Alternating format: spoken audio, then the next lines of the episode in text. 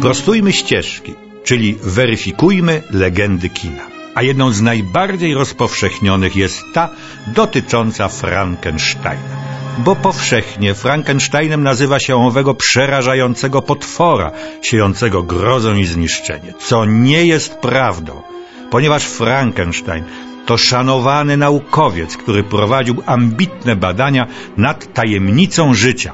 Prowadzi się zresztą takie badania po dziś dzień. A wszystko zaczęło się pewnej jesiennej nocy nad jeziorem Genewskim w roku 1818. W willi lorda Byrona, wybitnego poety angielskiego, spotkało się wówczas doborowe towarzystwo. Postanowiono ten posępny, mglisty wieczór spędzić na opowieściach niezwykłych, krew w żyłach mrożących, ale mądrych.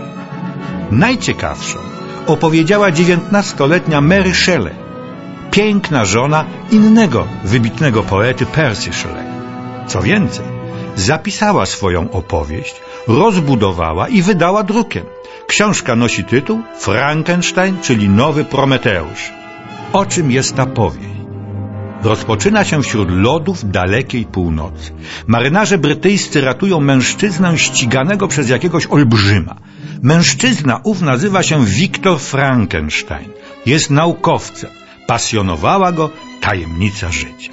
Przeprowadzał różne doświadczenia. Wreszcie z części ciał ludzkich kupował je w prosektorium albo wykradał z grobów, skonstruował sztucznego, nadnaturalnej wielkości człowieka. Przy pomocy błyskawicy tchnął w niego życie.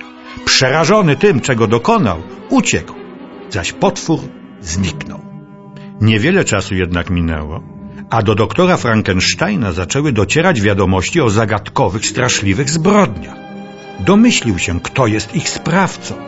Postanowił więc potwora unieszkodliwić, zabić. Ale kiedy się spotkali, potwór opowiedział mu, jak wśród ludzi szukał przyjaźni, miłości. Lecz na jego widok wszyscy się od niego odwracali, prześladowali go, bili, chcieli zabić, dlatego że był inny, brzydki. Potwór czyni Frankensteinowi wyrzuty i żąda, prosi, błaga o towarzyszkę życia, kobietę, taką jak on, którą mógłby kochać. Wtedy nikogo by już nie skrzywić.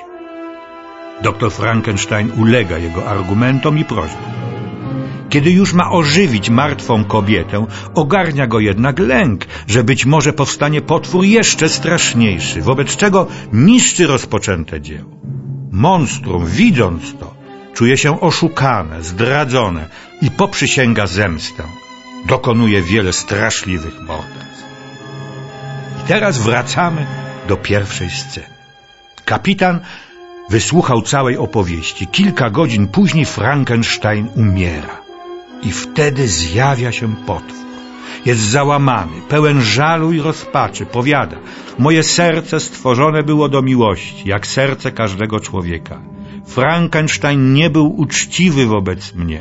Uczyniłem wiele zła, ale czy tylko mnie należy winić? Po czym opuszcza statek i udaje się na lodowe pustkowie. Postanowił rozniecić tam wielkie ognisko i zginąć w jego płomieniach. Taka jest prawdziwa opowieść o doktorze Frankensteinie i jego tworze. Hollywoodzkich specjalistów Pierwszy film o Frankensteinie powstał w 1931 roku. Nie interesował głębszy sens tej opowieści, aktualny zresztą po dziś dzień. Do jakich granic może posunąć się człowiek, nauka, w szukaniu rozwiązań tajemnicy życia? Jak daleko możemy ingerować w odwieczne prawa natury, je wykorzystywać dla własnych, często egoistycznych celów? W pierwszego Frankensteinowego potwora wcielił się mało znany wówczas aktor William Pratt, który przybrał pseudonim Borys Karloff. Praca nad jego charakteryzacją opisana została bardzo szczegółowo.